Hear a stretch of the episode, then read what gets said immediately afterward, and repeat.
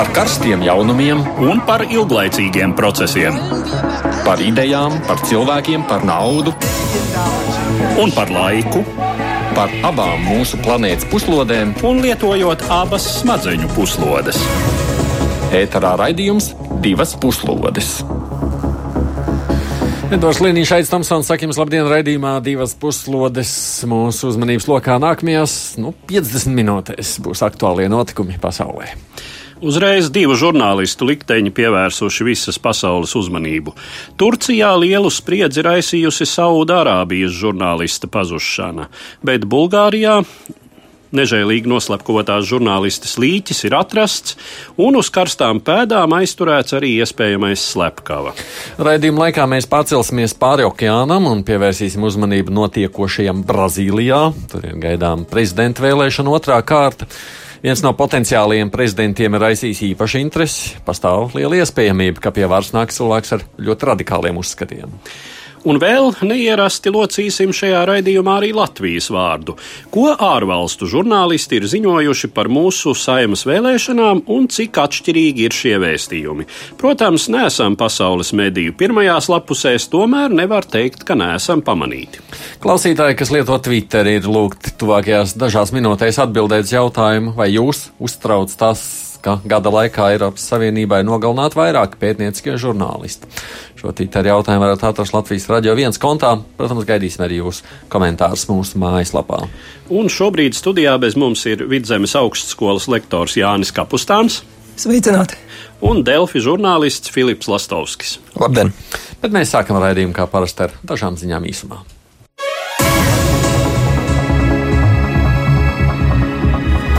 Pret Interpolu līdzinējo prezidentu Ķīnas pilsoni Menu Hunvei ir tiek veikta izmeklēšana par kukuļņemšanu. Tā ir paziņojusi Ķīnas valsts drošības ministrija. Mens esot pieņēmis kukuļus un tiek turēts aizdomās par likuma pārkāpšanu. Svētdien Interpols paziņoja, ka ir saņēmis Mena Hunvei atkāpšanās rakstu. Nedēļas nogalē medijas satrauc ziņa, ka Interpola vadītājs pazudis.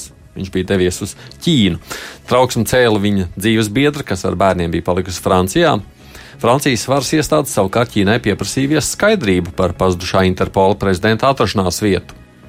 Jāpiebilst, ka Ķīnā prominents pazūd regulāri. Jau iepriekš uz vairākām nedēļām un pat mēnešiem ir pazudušas valdības amatpersonas, uzņēmēji miljardieri un pat ievērojams slavenības, kas vēlāk lielākoties parādījušās tikai tiesas zālēs, ja vispār atradušās.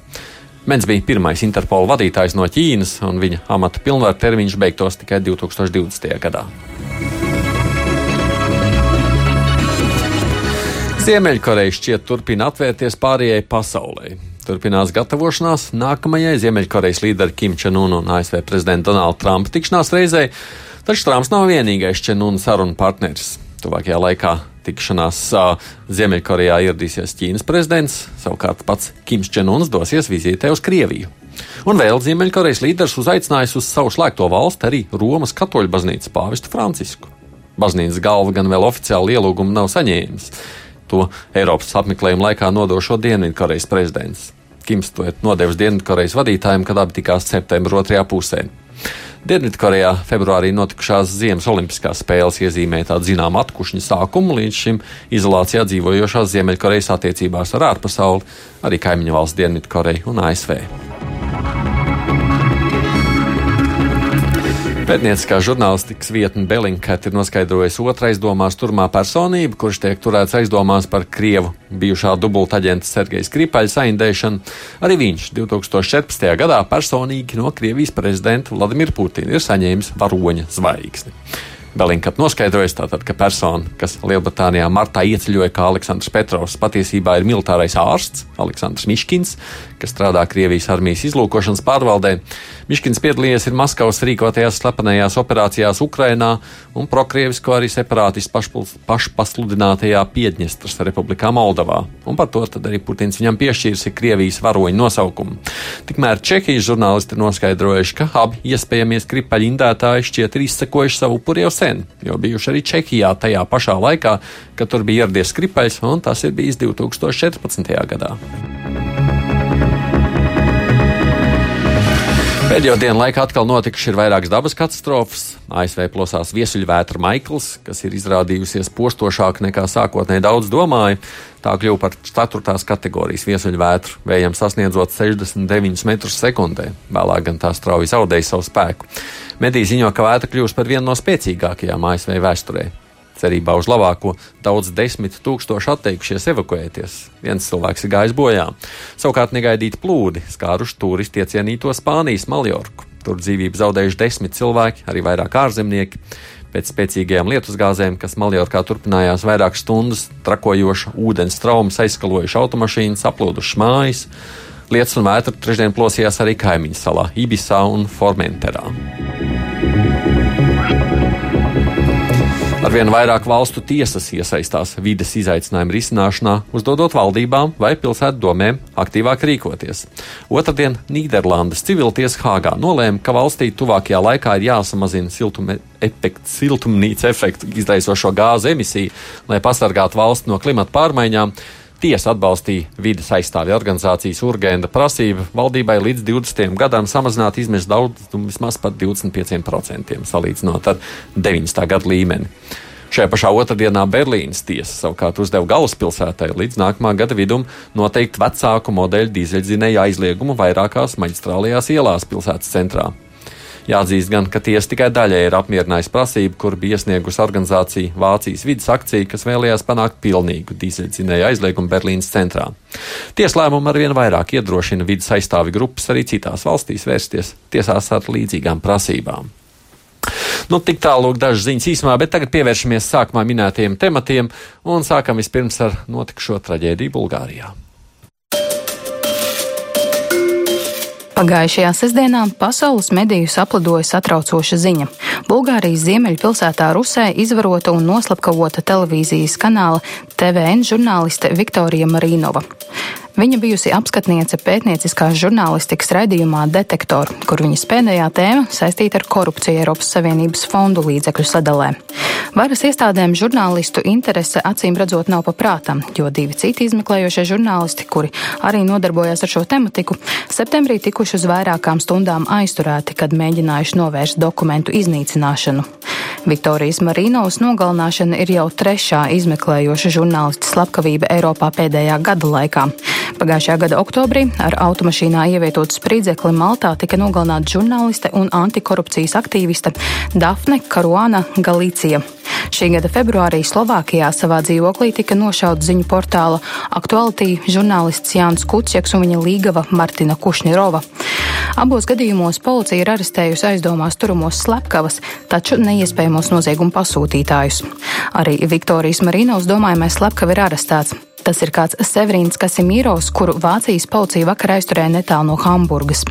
Kā norāda bulgāru izmeklētāji, Kasimīrovam esot krimināla pagātne, un šajā gadījumā slepkavība varētu nebūt saistīta ar žurnālists profesionālo darbību.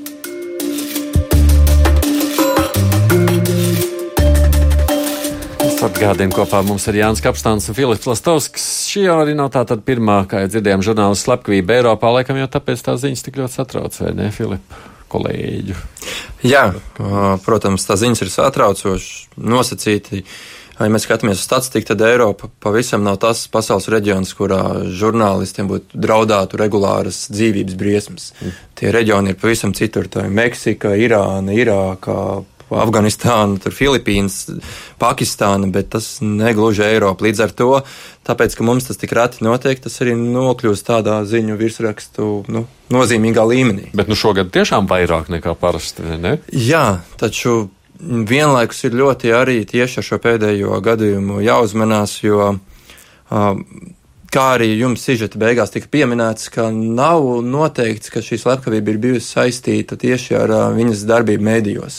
Un šeit ļoti, ļoti, ļoti daudz mēdīji Latvijā, Eiropā, pasaulē grēko momentā saslēdzot viņa žurnālistas darbu saistībā ar to, lai gan nu, šeit nav šīs saistības, un tikpat labi tas varēja būt nu, vardarbīgs uz, uzbrukums pret sievieti, kam nav saistības ar viņas profesionālo darbību. Līdz ar to mums pietrūkst vēl nedaudz faktu, lai teiktu, ka šī ir nu, konkrēts uzbrukums presbrīvībai.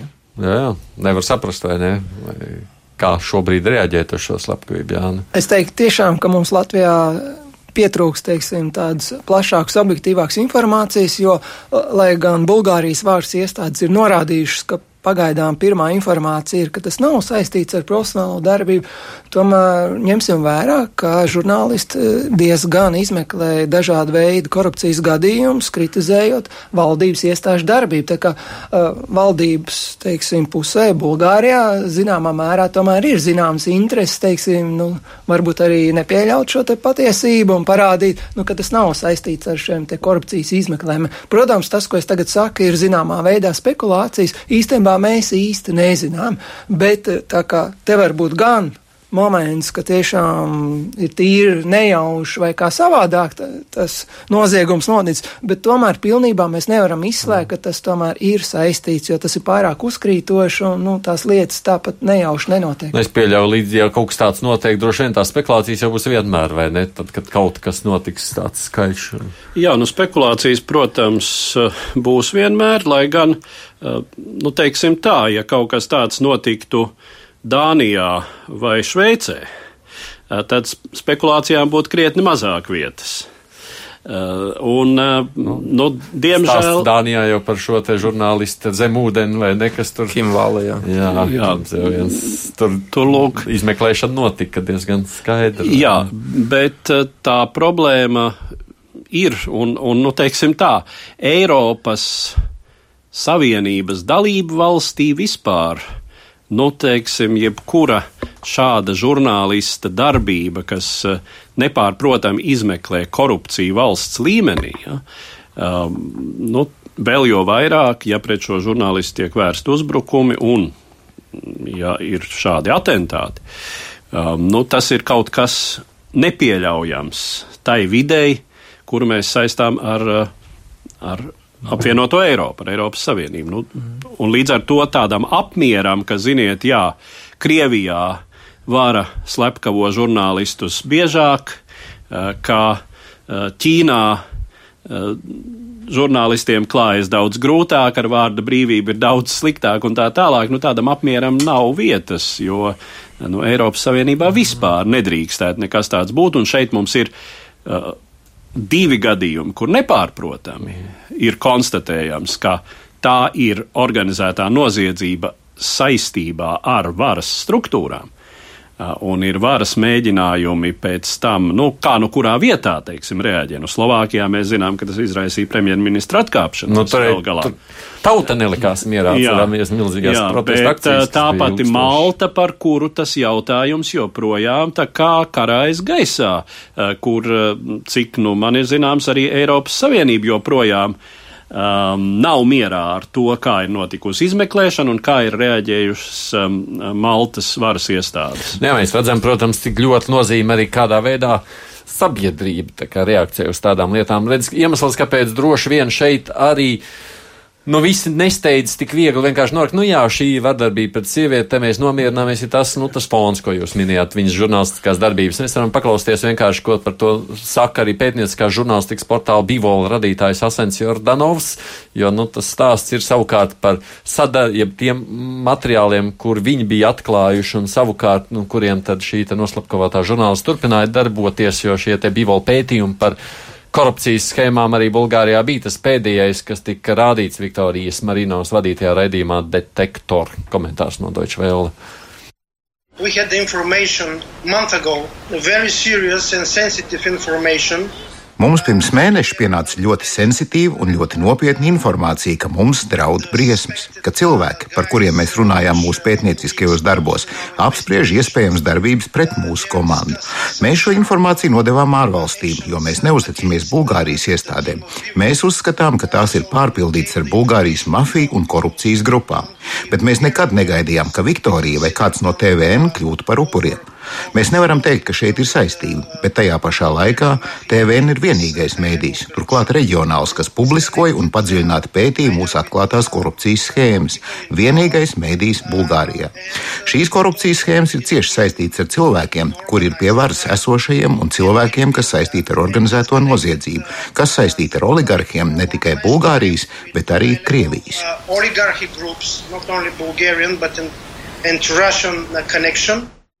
Ko es saku par tām bažām, ka mēs tā notikušā iemesls varētu arī neuzzināt, jo nu, es arī šeit saklausu to ļoti. Mm. Neusticēšanos to, ka vispār Bulgārijas svars iestādes to izdarīt. Jā, es, es nezinu, vai tieši mm, tas fakts, ka tas noticis Bulgārijā, ir iemesls, kāpēc ļoti iespējams mēs par to neuzzināsim. Kopējā statistika nav labvēlīga šajā jomā. Ja mēs paskatāmies pēdējos 25, 30 gadus, tad tās žurnālistu organizācijas, kas apkopo šos datus, ir izpētījuši, ka vidēji to pasūtītāju sanāk atrast kādā nu, vienā vai divos gadījumos no desmit. Reizēm atrodas slepkava, bet to pasūtītāji, diemžēl, daudzās valstīs pasaulē tā arī neatrod galvenokārt. Nu jā, ar to jau ir raksturīgas šādas pasūtījuma slepkavības. Uh, nu šajā reizē gan redz, viss tas stāsts ir liek domāt, ka tā slepkavība jā. nav bijusi ļoti gudri plānota. Nu, šajā konkrētajā reizē jā, bet pārējos gadījumos, redziet, abos pārējos gadījumos slepkavas domājamies, slepkavas ir aizturēti gan Maltas, gan Slovākijas gadījumā. Tikai tālāk par konkrētajiem izpildītājiem nevienā ne otrā gadījumā pagaidām īsti nav tikts. Un te ir vēl viens ļoti būtisks moments visos trīs, sastatot šos trīs žurnālistu noslepkavošanas gadījumus. Mm, kas eh, saistās ar eh, valsts drošību un faktiski ar visas Eiropas drošību. Jo visos gadījumos ir kaut kādas pēdas, Eh, kas ved ārpus Eiropas Savienības, vai katrā ziņā ir šī noziedzība, par kuru ir runa, ir starptautiska līmeņa. Ja? Teiksim, lūk, Bulgārijas gadījumā izskanēja piesaukti Krievu oligarhi, ne tikai Bulgāru oligarhi, bet Krievu iespējams tā tad tur ir intereses kādiem bagātiem ļaudīm no Krievijas, un mēs zinām, ka ļaudis, kurus Krievijā dēvē par oligarhiem, lielākoties ir saistīti ar varas struktūrām.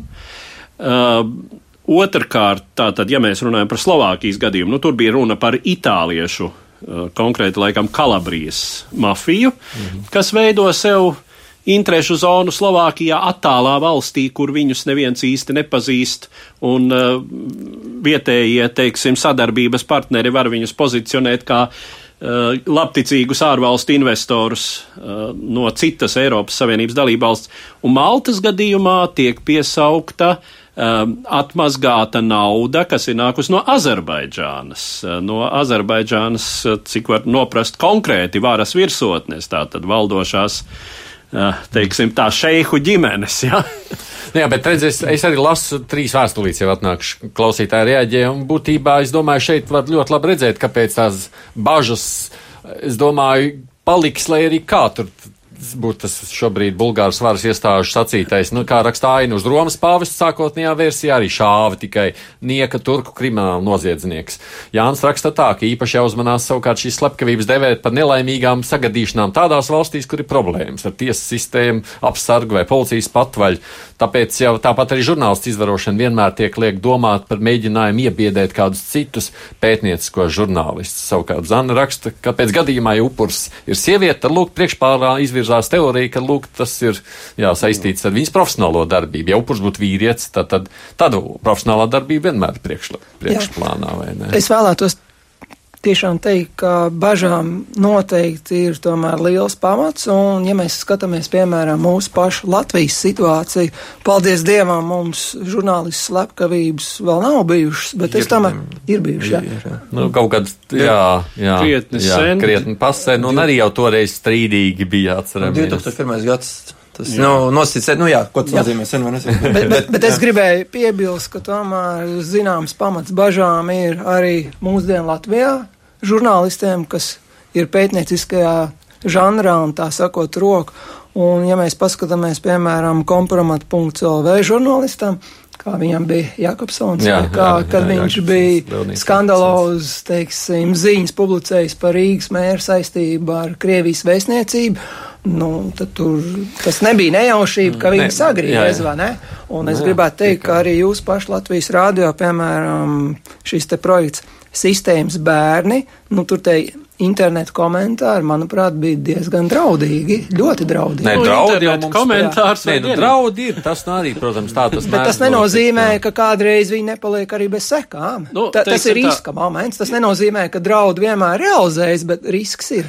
Nu jā, lai gan, teiksim tā, nu tie, kuri mums mēdz draudēt interneta komentāros vai pat piezvanot uz tiešo ēteru, jo mēs jau ar Aidu arī esam dzirdējuši ka, uh, tekstus, ka tad, kad pēc tam, kad jūs abi mani satiksiet, jūs vairs nevienu nesatiksiet. No, tā jau tas visādi būtu. ja, uh, šāda dīvainīšana tā ir viena lieta, ko mēs esam raduši neuztvert nopietni. Uh, parasti jau, ja kaut kas tāds tiek pret žurnālistu plānots, nu tad tie draudi tiek izteikti daudz mm. rafinētākā veidā un uh, mm. netik publiski. Jā. Es vēl gribēju piebilst, man liekas, ka būtiski par Eiropas Savienību kopumā runājot, ir, ka šie žurnālisti, kas saņem draudus, kas nokļūt bieži ir upuri, nav tādā atsevišķa nošķiruma, ka tie tieši ir pētnieciskie žurnālisti. Tie ir žurnālisti dažādos žanros, un, un tas ir žurnālistu arots kopumā. Tāpat arī, piemēram, Latvijā un mums reģionā ļoti bieži pētnieciskie žurnālisti, sauc, pētnieciskie žurnālisti sauc jau par pētnieciskiem, lai gan nu, viņi ir normāli analītiski ziņu žurnālisti. Un atkal otrādāk, ļoti bieži uh, mums ir ļoti labi ziņu žurnālisti, kur patiesībā mierīgi savu darbu varētu saukt par pētniecisku žurnālistu. Nē, jā, nē, nu, visi jautājums, jā. ko viņi dara. Mums no tiem klausītājiem, kas Twitter lietotājiem 90 balso balsotāji šobrīd ir tie, kas ir nobalsojuši. Pagaidām 92% saka, ka viņus uztrauc. Tas nu, praktiski absolūti, absolūti, absolūti lielākā daļa saka, ka tas ir satraucošs jautājums. Droši vien, ka būtu atsevišķs runājums vēl par Bulgāriju, pat par sevi kā valsti, kas nav laikam tā drošākā tādā ziņā korupcijas jomā valsts. Nu, teiksim, droši vien kā Austrum Eiropas vidusmērs. Vispār. Jā, nu mēs varam atrast drošākas, kā droši vien, teiksim, Čehija vai Igaunija. Jā, bet, nu, visa šī, faktiski visa šī zona, gan Austrum Eiropa, gan Dienvidu Eiropa, nu, kur, teiksim, tās atvērtās sabiedrības un, un demokrātijas tradīcijas, tā izskaitā preses brīvības tradīcijas, nav tik dziļi iesakņotas, ja, jo mēs zinām, pat ja, ja mēs runājam par Austrum Eiropu, tāpat arī, teiksim, par Pireneju pussalu, kur ir ļoti ilgi vēl 20. gadsimta otrā pusē bijuši autoritāri režīmi pie varas, tad tur jau arī viss tas Spānija, Portugāla, ja, tur arī tas viss nav nebūtu ideāli.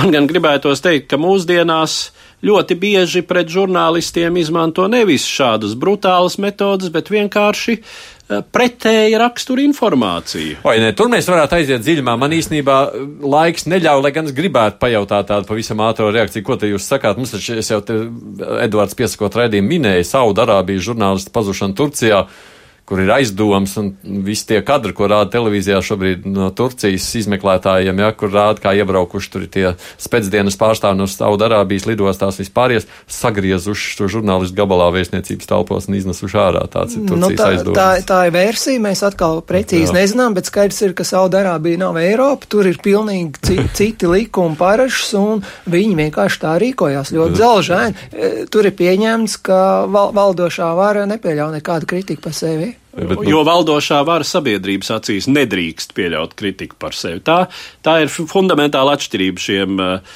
teiksim, Āzijas uh, Uh, nu, režīmu, tos pat īsti nevar saukt par režīmu. Mūs pa gabaliem negriež tā, lai iznest ārā no telpām. Jā, jā teiksim, pagaidām. teiksim, mūsu sabiedrība nesagaida no varas, lai tā šādā veidā ar saviem kritiķiem izrēķinātos. Es pieļauju, ka Saudārābijā lielākā sabiedrības daļa tieši to uzskata par mm. normālu varas reakciju.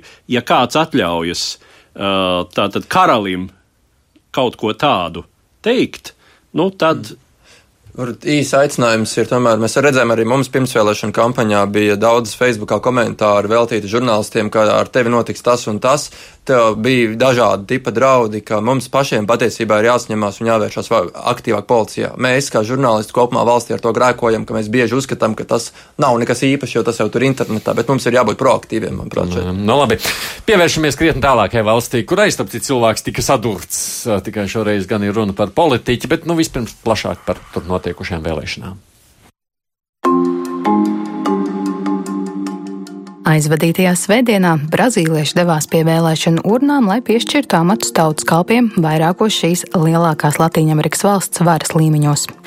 Tika vēlēts prezidents, viceprezidents, visi parlamenta, Nacionālā kongresa, apakšpalātas deputāti, kā arī divas trešdaļas augšpalātas senāta deputātu. Tāpat tika vēlēti pavalstu jeb štatu gubernatori, vicegubernatori un pavalstu likumdevēju asambleju deputāti. Brazīlijas parlamenta vēlēšanās nav procentuālās liekšņa, un attiecīgi raips ir arī likumdevēja institūcijas sastāvs. Divām lielākajām partijām, strādnieku un sociāli liberālajai partijai, ir katrai nedaudz vairāk par pussimtu deputātu.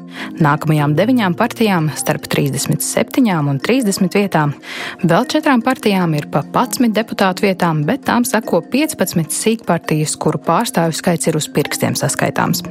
Aģentūra Bloomberg visu šo kaleidoskopisko ainu iedala atbilstoši saimnieciskās politikas vadlīnijām, norādot, ka nedz izteikti ekonomiskie liberāļi, nedz valsts protekcionisma piekritēji nav guvuši pārsvaru, un kā līdz šim Brazīlijas parlamentā dominē šai ziņā centriski spēki, kas atbalsta atbalsta brīvo tirgu ar noteiktu valsts regulējošo lomu.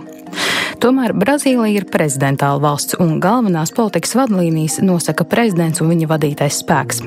Te galvenā intriga vēl priekšā, jo prezidenta amata likteni izšķirs otrā vēlēšanu kārta 28. oktobrī, kad sacensties divi pirmās kārtas favorīti - strādnieku partijas pārstāvis ekonomists Fernando Adams un sociāla liberālās partijas kandidāts izbijušais armijas kapteinis Žērs Bolsonaro. Pēdējais ir īpaši spilgts personāžs. Kādreizējais desantnieks un artilērists Sallašs neslēpti jūsmojas par militāro huntu, kura bija pie varas Brazīlijā līdz 1985. gadam. Tāpat viņš nekad nav slēpis savus klaji rasistiskos, radikāli nacionālistiskos un konservatīvos uzskatus, naidu un nicinājumu pret jebkādu kreisumu, pret cilvēktiesību, īpaši jau minoritāšu tiesību aizstāvību un modernās demokrātijas normām vispār. Bēdīgu slavu Bolsonaru iegūs ar rupja tēviņa gājieniem saskarsmē ar sievietēm. Par jēlību sarunāšanu senatorijai Marijai de Rosario no parlamenta komisijas tribīnas viņš sodīts ar naudas sodu, taču tas nav līdz viņam valdīt mēli. Un kā šķiet, šis mačo stils roda atsaucību lielā daļā Brazīlijas sabiedrības. Vēlēšana pirmajā kārtā par Bolsonaru nodoti 46% balsu. Fernando Adats saņēmis tikai nepilnus 30. Tomēr jāievēro, ka divi nākamie pretendenti, kas kopā iegūši vairāk nekā 17%, pārstāv izteikti kreisus spēkus, kuru vēlētāji visticamāk otrajā kārtā savas balss sados Adadam.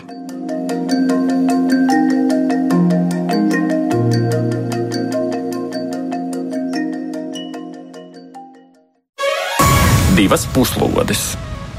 Man kādreiz šeit studijā vidzemes augstskolas lektors Jānis Kapstāns, Delfs žurnālists Filips Lastovskis, protams, arī mēs ar Eduardu Liniņu. Kāpēc vispār brazīliešiem tāds Bolsonaru patīk, Jāni?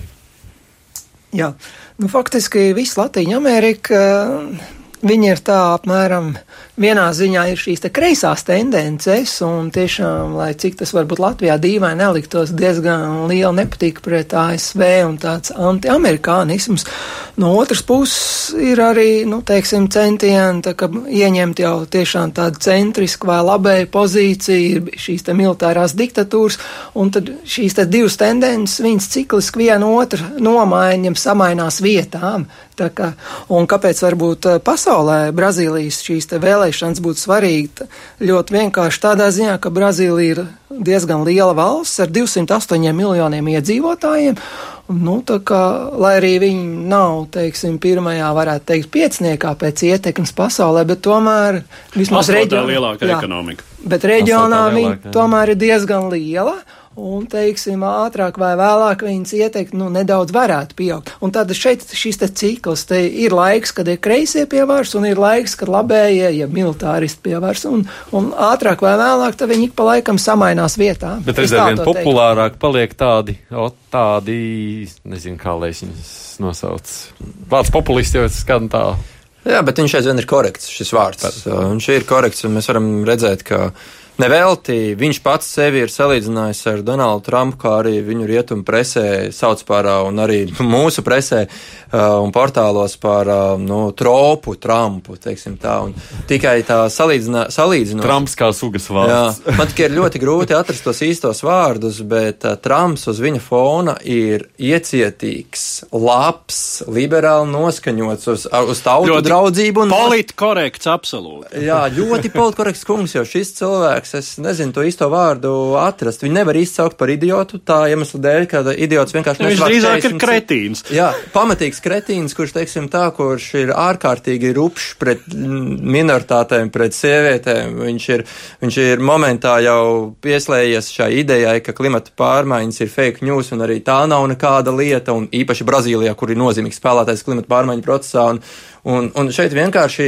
izklausās, ir runa par tādu kretīnisku, ļaunu cilvēku. Bet 46% atbalsts. Faktiski, Ne, arī nu, tur te jau kolēģi ļoti pareizi norādīja. Tā ir uh, reģionāla tradīcija, kur šiem, to, to ko angliski sauc strongmen, jā, tā tad uh, varas vīriem. Uh, kas ir, nu, teiksim tā, ja mums taču arī ir zināmas simpātijas joprojām pret Kārli Ulmani, kurš savā laikā sakārtoja lietas, kā daudziem Latvijā šķiet. Ja? Uh, šāda tradīcija, nu, teiksim, Dienvidē Eiropā uh, pastāvēja līdz pagājušā gadsimta 70. gadiem, ja, kad uh, tikai nomirstot dabīgā nāvē uh, diktatoram Franko Spānijā un diktatoram Salazāram Portugālē beidza pastāvēt vairākas desmitgades ilguši uh, autoritāri režīmi ar totalitārismu pazīmēm. Uh, Dienvidamerikā uh, līdzīgi režīmi ir vēl daudz ilgāk bijuši aktuāli, kā tātad Brazīlijā līdz 1985. gadam.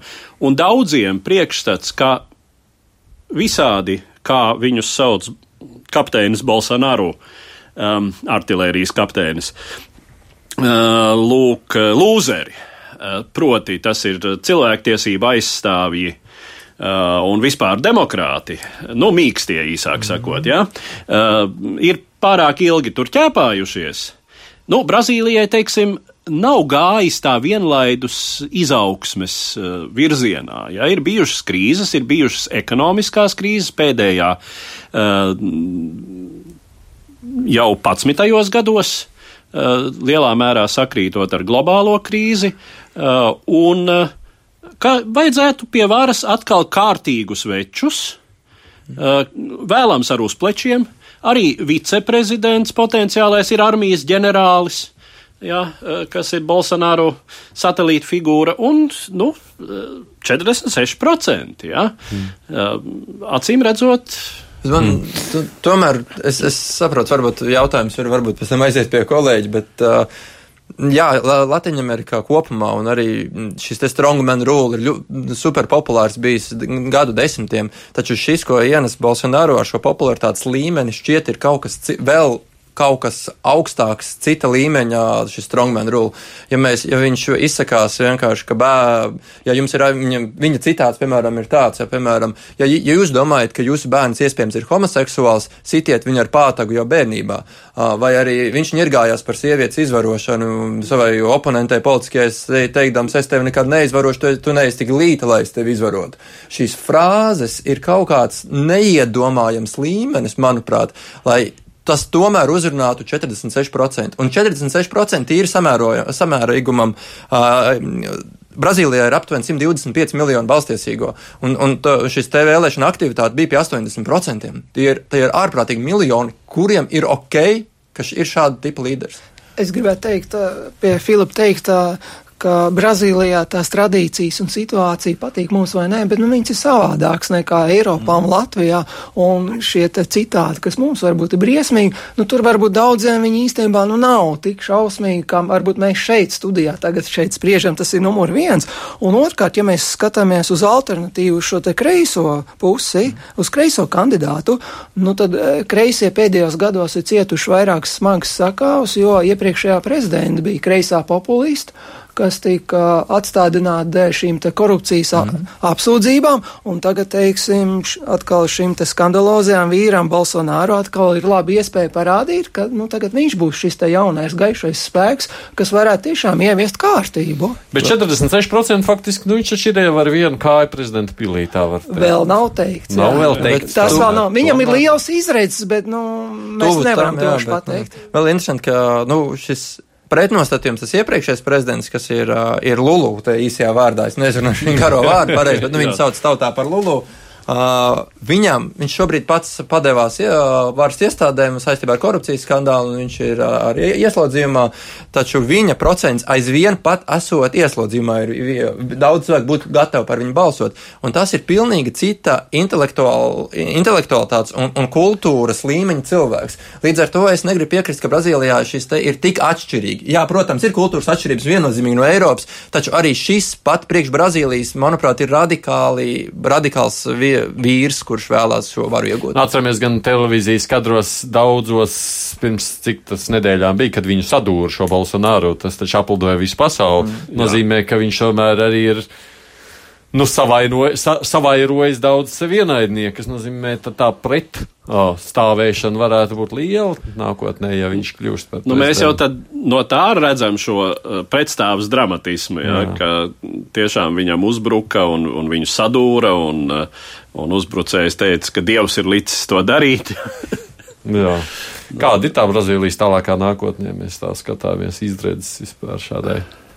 Nu, teiksim tā. Um, tirgus, cik var lasīt, reaģē uz Bolsonaru potenciālo ievēlēšanu drīzāk pozitīvi, jo ekonomiskā programma viņam ir eh, investīciju klimatam labvēlīga. Viņš grasās uh, striktāk ierobežot valsts tēriņus, protams, salīdzinot ar saviem kreisajiem priekšgājējiem, un viņš grasās uh, denacionalizēt daļu valsts kontrolē īpašumā esošo uzņēmumu, eh, kas ir iepriekšējā periodā tikuši salīdzinoši daudz uh, valstiskoti. Ja? Mm -hmm. Brazīlijā nevelti Bloomberg dod šo sadalījumu, jo, eh, jo tur arī, teiksim, tā ekonomiskās politikas ziņā ļoti daudz kas ir tā krasi, krasi izteikts. Tātad Brazīlijā ir, ir krasa tendence uh, valsts protekcionismu virzienā uh, un krasa tendence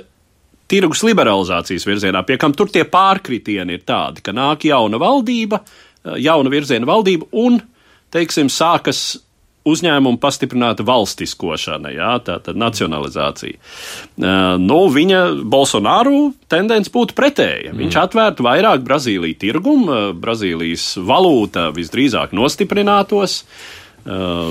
Konkurence pieaugtu un tam līdzīgi. Niks raksta šādi, Brazīlija ir viena no ieģeļa valstu savienības tautsēmniecības spēcīgākiem stūrakmeņiem, ko Azijā draugi grib padarīt pielaidīgāk, veidojot šo sam, samitu, summitu, kā Kremļa troļļa alternatīvu G7 varenībēm. Pašlaik tur ir pārāk nespējīgi šī projekta atbalstītāji. Varētu būt, nu, runa ir par BRICS, kurā jā. ietilpst Brazīlija, Ķīna, Krievija, Indija un kaut kāda ļoti un kaut kāda iemesla dēļ valstīm. BRICS, tāpēc, jā, jā, jā, jā, bet, nu, un Dienvidāfrika, kurai ļoti daudz eksperti grūti sazīmē vietu šajā pārējo valstu lokā, jo viņi tur īsti neiedarās pēc ekonomikas parametriem.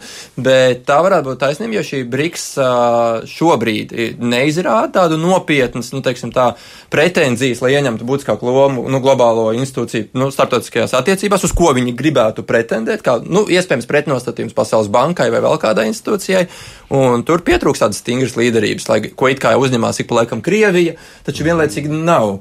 Taču diez vai arī Brazīlijā līderības maiņa, nu, es būšu skeptisks, spējas izkustināt to nestrādājošo mašīnu, kas tur ir. Nu jā, nu, drīzāk jau Brazīlija šajā gadījumā tomēr tuvinātos savienoto valstu ekonomiskajai orbītai. Uh, vēl jau vairāk Bolsonaro mm. ir liels Trumpa fans. Jā, jā, jā. jā. Nekā tajā galā labi. Mums ir laiks vēl vienam tematam. Tas šoreiz neierasts mūsu raidījumam, jo runāsim arī par Latviju. Nils Ušakovs un Artus Kaimiņš kā arī premjeras Māris Kučinskis ir biežāk minētie Latvijas politiķi ārvalstu preses publikācijās, kas veltīts 13. saimas vēlēšanām. Te jau visi ārvalstu mediji, ja ne virsrakstos, tad pirmajās rindkopās nosauc saskaņu par vēlēšanu uzvarētāju un vairums to raksturo kā pro-kremlisku partiju, kas varētu apdraudēt Latvijas līdzinējo pro-eiropisko kursu. Daudzi gan uzskata par nepieciešamu tūdaļ bilst, ka koalīcijas valdību izveidot šai partijai būšot grūti. Tomēr netrūkst publikāciju informācija, kuras pieļauj vai vismaz dod mājienus par šādu iespēju. Tā britu izdevums The Guardian, komentējot priekšvēlēšanu aptauju rezultātus, raksta, saskaņai uz pēdām seko populisti, kuri varētu tai palīdzēt izveidot koalīciju - jaunā konservatīvā partija un KPVLV. Nedaudz pārsteidzoši jauno konservatīvo partiju populistos ieskaita arī Britu raidsabiedrība BBC. Vairums publikāciju tomēr šo partiju raksturo kā antikorupcijas spēku. Gluži dramatiskās krāsās ainu mālē Britu izdevums The Express, devējot Latvijas vēlēšanas par vēl vienu Eiropas Savienības krīzes simptomu. Kremļa trojas zirgs saskaņa liekot Eiropai trīsēt baisās priekšnojautās un antieiropiskās, kā apgalvo izdevums, KPVLV pārmaiņu solījumu jau sacēluši paniku Briselē. Šķiet, realitātei tuvāko un niansētāko ainu pasaules medijiem sniedz ziņu aģentūra Reuters, kura diezgan precīzi definē Latvijas politisko spēku ievirzes, neaizmirstot bilst arī par saskaņas centieniem pozicionēties kā Eiropeiskai sociāldemokrātiskai partijai. Tomēr ir saprotams, ka no globālās distances skatoties, 13. saimas vēlēšana rezultāti te jau ikvienam izskatās kā labēji centrisko spēku sakāve un antieiropeisko kreiso un populistu uzvaras gājiens. Cik tālu ir runa par vispārēju Vispārējo Latvijas situācijas raksturojumu biežāk piesauktās aktualitātes ir Latvijas banku problēmas ar naudas atmazgāšanu, apsūdzību Latvijas bankas vadītājiem, kā arī hakeru uzbrukums portālam Draugiem LV. Klausoties šo sagatavoto ierakstu, izstāsta, ka daudziem tādiem ārvalstu kolēģiem diezgan miglains priekšstats par to, kas notiek Latvijā.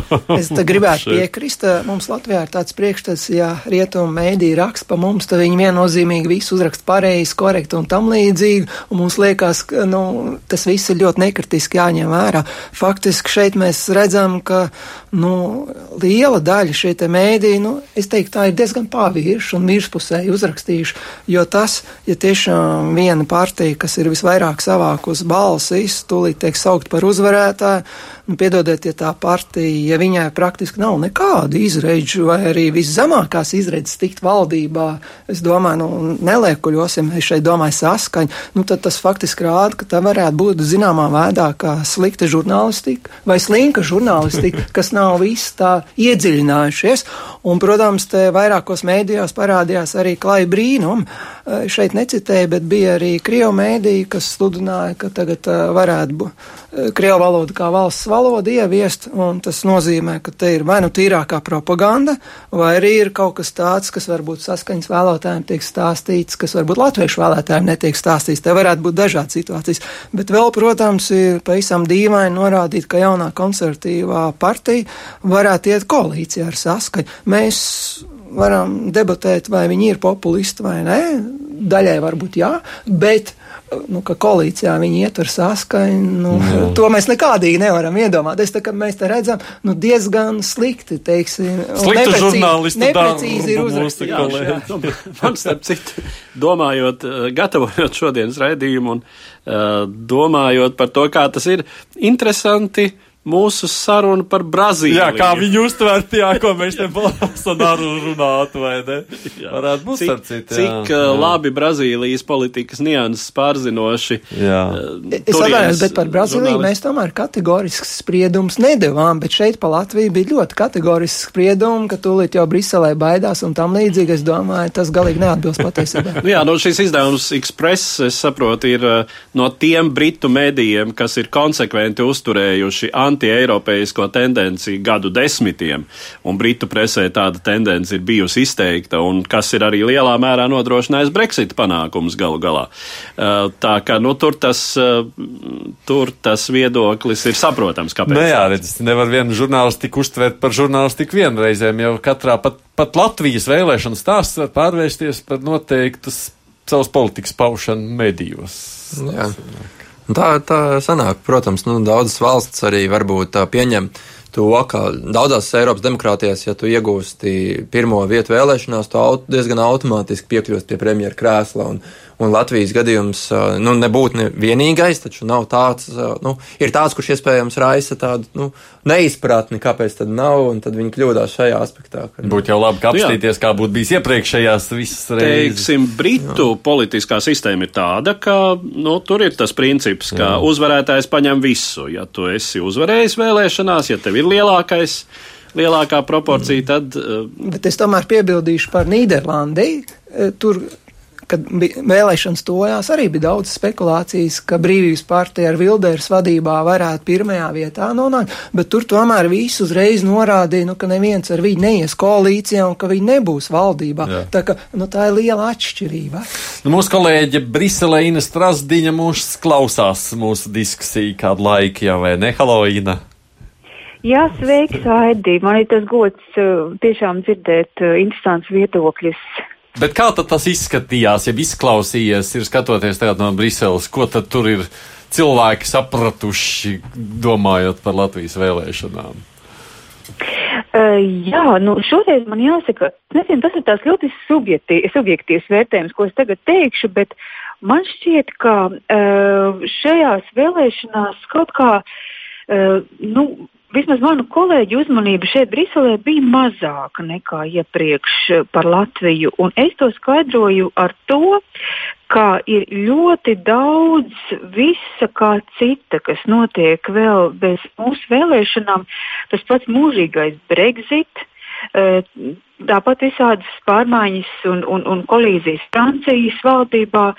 Īsāk sakot, man ir radies priekšstats, ka, ka žurnālisti ir diezgan noslogoti. Un, un tas ir tā kā savā ziņā nu, ir jāuzraksta par Latvijas vēlēšanām, tās ir jāatzīmē kartē, jo es arī kādreiz nesen arī rakstīju tādu viedokli izdevumā eh, portālā LSM.CLV, ka būtībā mūsu vēlēšanas nav, nav tikai mums, tās ir arī visas Eiropas Savienības un globāla lieta, bet, bet un, un to tā arī parasti šeit skatās Briselē, jo, eh, jo šeit bāzētie žurnālisti arī atspoguļo nacionālās vēlēšanas eh, cītīgi un čakli, bet man ir tiešām radies iespējas, ka šoreiz kaut kā nu, mēs tā kā ar šīm vēlēšanām atzīmējamies žurnālistu kartē, bet, bet nu, tā uz to brīdi. Bet tā, varbūt tāpēc, ka, bet var jau būt tāpēc, ka mums viss nav tik traģiski, nekas noticis, varbūt tāpēc miers tāds, nē? Jā, es arī par to domāju, ka varbūt arī mūs tā kā tādu, kā tādu milzīgu drāmu nesaredz, bet tas, ko ļoti precīzi arī iepriekš uh, kolēģi studijā sacīja un arī uh, mediju aprakstā, ka uh, nu, ir tas, tās lietas, ko, kas uzreiz izsprāga, ja? tas, ka uh, uzvarējusi ir uh, uh, Kremlim simpātiska partija, ja? tā tad uh, es arī pārskatīju pirms šīs sarunas uh, mediju virsrakstus. Un, un tas bija tas, tā, tā pirmā ziņa, kas izsprāga. Bet man liekas, ka ir ļoti svarīga tā analīze pēc tam, kas notiek pēc tam. Un, un tagad es arī šodien tieši paskatījos, cik daudz raksta par mūsu vēlēšanām tagad, jau kad ir dienas pagājušas, un to publikāciju ļoti, ļoti maz. Un man liekas, tur ir tā sāls arī, ka ļoti svarīgi, ka mums ir tie uzticamie ārzemju žurnālisti, kur seko Baltijas lietām, kur specializējās arī uz, teiksim, Baltijas politikām, kuri zina to drēbi, un tad tie viņu komentāri ir tie, ir tie visprecīzākie un tiešām vis, visizsvērtākie. Mm -hmm. nu, Tāda ir mēdīja realitāte. Šodien viss nevar pagūt arī. Paldies, tev, Ina. Ina Strasdiņa, mūsu kolēģi Briselē, skatoties uz to. Varbūt tā ir tiešām laba ziņa, ka mums Iespējams, jā. Un uh, no otras puses, tā padomā, Latvijā ļoti liela daļa mēdīju rakstot par šīm vēlēšanām, arī norādīja gan latviešu valodā, gan krievu valodā, ka vēlēšanās ir kāda partija uzvarējusi. Taču Latvijas vēlēšana sistēma īsti uzvarētāju nepieļauj. Uzvarēt tu vari tad, ja tu iegūsti 50 plus kaut ko procentu. Ja tu tiec valdībā. Jā, jā, Latvijā un Latvijā tāpat mēs runājam par proporcionāli lielāko balsu skaitu, ko tu iegūst. Un kāds, ir uz, kāds tur uzvarētājs ar, dažas partijas ar 14%, nu konkrēti viena pateica, ka mēs esam uzvarētāji. Kāds tu esi uzvarētājs ar 14%? Nav runa par šo, un ja mēs paši kļūdāmies šajās niansēs, ko mēs brīnamies, ja, piemēram, mūsu draugi, kolēģi no Lielbritānijas pieļauj šīs pašas kļūdas. Nu jā, un droši vien no otras puses skatoties, nu ir tā tendence šobrīd Eiropā ir uh, tiešām arī no Briseles pirmkārt raugoties tādi satraucoši procesi, šie uh, Uh, demokrātijas apdraudējuma tendenci procesi, nu, kas ir nepārprotami jau šobrīd Polijā, Ungārijā, kur ir, uh, kur ir ierosinātas sankciju procedūras. Nu, droši vien ir tendence arī uz Latviju skatīties uzreiz tā, vai to var klasificēt tā vai tā. Mhm. Kurā barikādas pusē Latvija paliks. Un līdz ar to arī tiek tūdaļ uzsvērti šie. Bet jāsaka, mēs jau paši arī mazliet tomēr uz to tā skatījāmies, un tas motīvs vai saglabāsies mūsu um, transatlantiskā tendence, uh, vai mēs uh, nesāksim draudzēties ar Kremli un tā tālāk. Nu, tie jau bija klātesoši un ir joprojām ir, klātesoši pašreizējā politiskajā procesā. Mm. Jautājums, protams, kas notiks tālāk, ko par to mūsu valdību tālāk sacīs nākamie nu, mūsu pašreizējā ārvalstu kolēģi. Nu, skaidrs, ka, ka līdz mūsu nākamajai valdībai īstenībā jau vēl diezgan ilgi jāgaida. Mēs jau tā tomēr īsti vēl simtprocentīgi nevaram pateikt. Protams, ir apriss, bet vēl ir arī jāapstiprina, un to mēs nezinām vēl. Nākamās ziņas iespējams būs nu, līdzīgi kā Zviedrijā tikko bija vēlēšanas septembrī, un, un, un vairākās diskusijās, nu ne visās, bet vairākās diskusijās runājot par vēlēšanām, runāja kā par to, ka mūsu vēlēšana uzvarētājs būs mūsu valsts pārstāvis Eiropas Savienības padomē.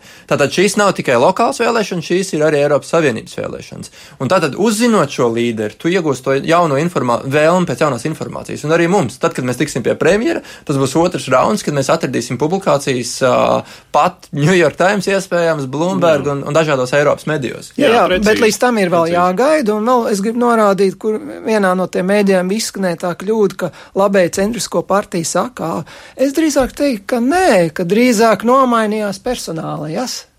Mm. Tā tad, nu. Nomainījās personālīs, bet faktiski jau jaunā jā. konservatīvā partija jau to pašu vēl jau uz to arī jāgaida, vai nomainījās. Vai Tur redzēsim, jo daži no šī pati jaunā konservatīvā partija diskusijās ir paudusi praktisku uh, simpāt, simpātijas, piemēram, Ungārijai arī nu, Ungārijas esoš, esošam modelim. Līdz ar to, kā, ko mēs beigās dabūsim, mēs varbūt šobrīd domājam vienu, bet beigās mēs varam saņemt pilnīgi kaut ko citu. Bet vēl viens komentārs, tas, ko Ina savukārt sacīja, nu, tie, kas mm, specializējās, ja pēta kā žurnālisti, kas notiek Baltijā, viņi tad visprecīzāk arī par tām lietām var runāt. Un tad mēs savukārt Latvijā sakām, nu, mēs jau gribētu, ka citajās, citās valstīs tā informācija par mums ir korekta, nu tāda, kāda tā ir. Tad, kad mēs kādreiz šeit runājam divās puslodēs vai kaut kur citur par ārzemēm, viņi saka, nu ko jūs par tām ārvalstīm, vai mums pašiem savu problēmu trūkst, ko jūs tur kaut kādu Brazīliju interesēties no, vai nu, Bulgāriju. Jebkurš sastatījums nāk par labu arī pašiem. Mēs sevi pasaules spogulī redzam daudz skaidrāk, kur Jā, mums pašiem ir. Tas nozīmē, mēs redzam, cik svarīgi tomēr ir nevis tikai tā nu, ziņu virsrakstos tikai. Īstenībā es gribēju teikt, ka tas, ka varbūt arī nav vairāk nekas tāds daudz vairāk plašāk rakstīts rāda, nu, ka rietumiem liekas, ka tomēr mums nekas tāds īpaši nav mainījies, un ka mums tu tomēr ir stabilitāte. Varbūt, ka mēs paši kaut kā esam vairāk pozicionējuši sev, ka tūlīt par 180 grādiem viss apgriezīsies un tā, lai gan, protams, bažas jā. ir. Nē, nē, bet, nu, tieši, jā. tieši tā, ļoti precīzi es varu tikai piekrist Filipam vēlreiz, ka uh, ļoti iespējams to iespaidu galīgi izveidos mūsu deputātu sastāvs nākamajā Eiropas parlamentā. Vēlēšanas ir jau nākamā pavasara, un, protams, mūsu premjeras, kas pārstāvēs mūsu Eiropas Savienības padomē, kas no varas funkciju sadalījuma viedokļa ir vissvarīgākais Eiropas orgāns. Edvards Liniņš, Filips Lastovskis no Delfiem, Jānis Kapstāns, arī Vidzemes augstskolas lektors. Paldies, ka atnācāt! Jau Valēna, savukārt raidījuma producente. Studijā bija Reisa Aits Tamsons. Nu, šīs bija divas puslodes. Mēs atkal sadzirdēsimies nākamajā nedēļā, kad lūkosim, kas atkal ir jauns noticis divās puslodēs pasaulē. Divas puslodes!